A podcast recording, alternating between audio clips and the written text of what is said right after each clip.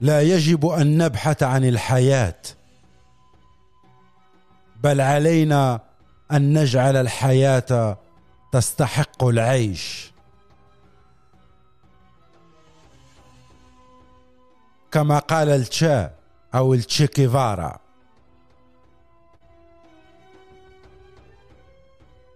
هذه الحكمة أو المقولة سوف تسمعونها في الحلقة الثامنة. من هذا البودكاست.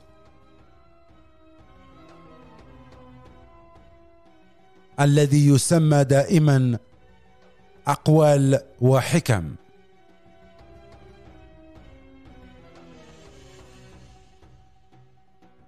أرجو أن تشتركوا في القناة. مرحبا بكم.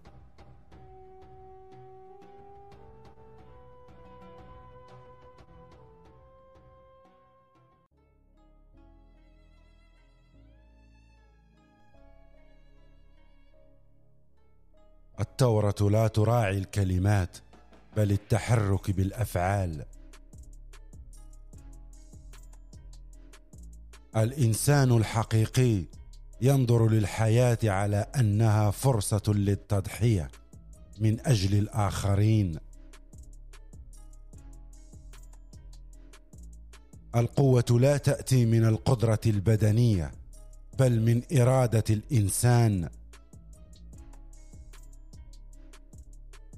إن النجاح في الحياة ليس مجرد الوصول إلى هدفك بل تحقيق رغبات القلب. النصر لا يتحقق من خلال الكلمات فحسب بل من خلال الأفعال والتضحية.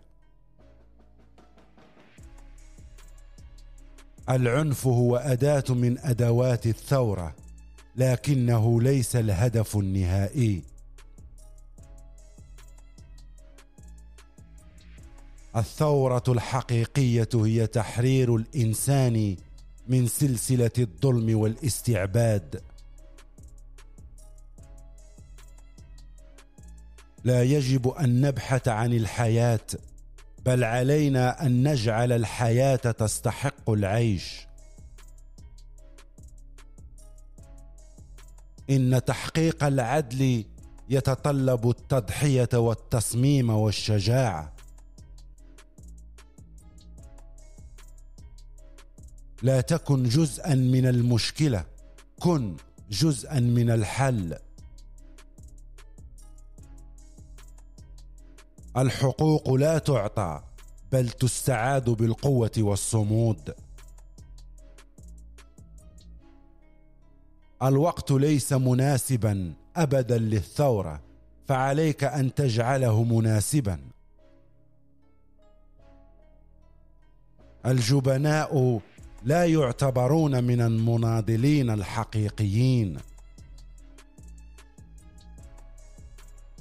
الأحلام الكبيرة لا تتحقق بالتفكير الصغير.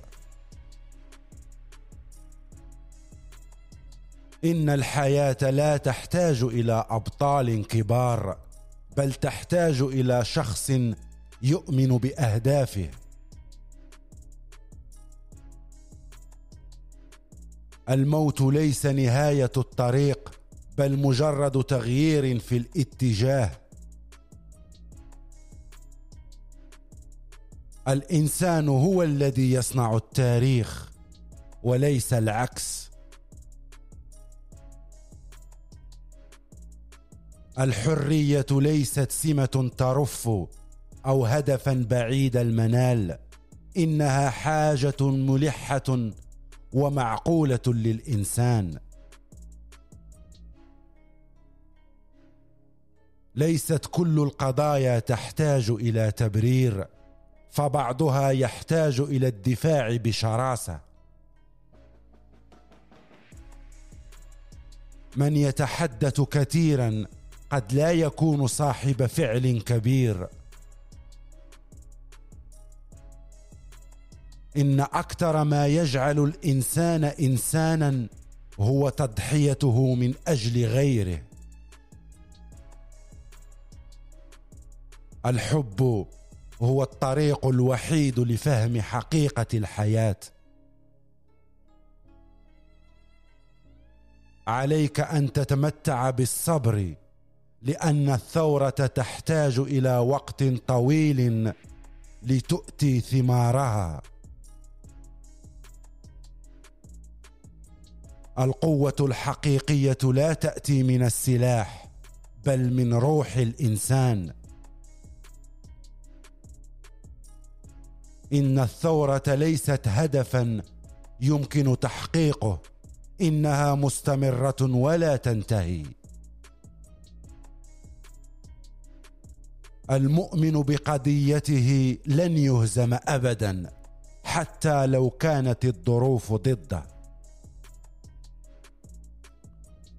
إن الثورة تبدأ في العقل قبل أن تنطلق في الحقل. العمل الميداني هو الذي يفصل بين الناجحين والفاشلين في الثورة. إن الصبر ليس عدم العمل بل الاستعداد للانتظار حتى تكون الظروف مواتية. الإنسان الحر لا يطلب الرحمة بل يمنحها. عليك أن تكون راضيا عن نفسك قبل أن تتوقع أن يكون الآخرون راضيين عنك. القوة الحقيقية هي قوة المعرفة والثقافة. الثورة هي كرامة الإنسان المسحوقه واستعادة كرامته. إن الحب ليس حلما فارغا بل هو نور يضيء طريق الحقيقة. لا يجب عليك أن تخشى الفشل بل يجب أن تخشى ألا تحاول. التغيير لا يأتي من الانتظار بل من العمل المتواصل. عليك أن تثق بنفسك حتى يثق بك الآخرون. القوة الحقيقية هي القوة الداخلية للإنسان وإيمانه بالنصر. الإنسان الشجاع لا يخشى الموت بل يخشى أن يعيش في سبو الظلم والاستعباد. إن أفضل استثمار للوقت هو العمل من أجل تحقيق التغيير. الثورة الحقيقية تنبع من الشعور بالظلم والرغبة في تحقيق العدل. عليك أن تعتمد على نفسك لأن الناس يمرون والقضايا تبقى. لا تحكم على الناس بناء على مظاهرهم بل احكم عليهم بناء على مبادئهم. الأمل هو سلاح الثائر الحقيقي. عليك أن تكون عمليا لكن لا تفقد رؤيتك وأحلامك. الانسان الحكيم هو الذي يتعلم من الخطأ ويسعى لتصحيحه. المعرفة هي السلاح الأقوى لتحقيق التغيير. التضحية لا تعني فقدان شيء بل تعني الحصول على أشياء أكبر. الحب هو القوة الحقيقية التي تجمع الناس وتوحدهم. إن الثورة هي رحلة طويلة وصعبة ولكن الشعور بالحرية يجعلها جميلة وجديرة بالمضو قدما.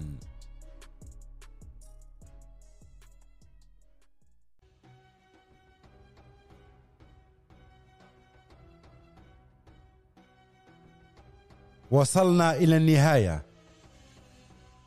ألتقي بكم في الأسبوع القادم إن شاء الله.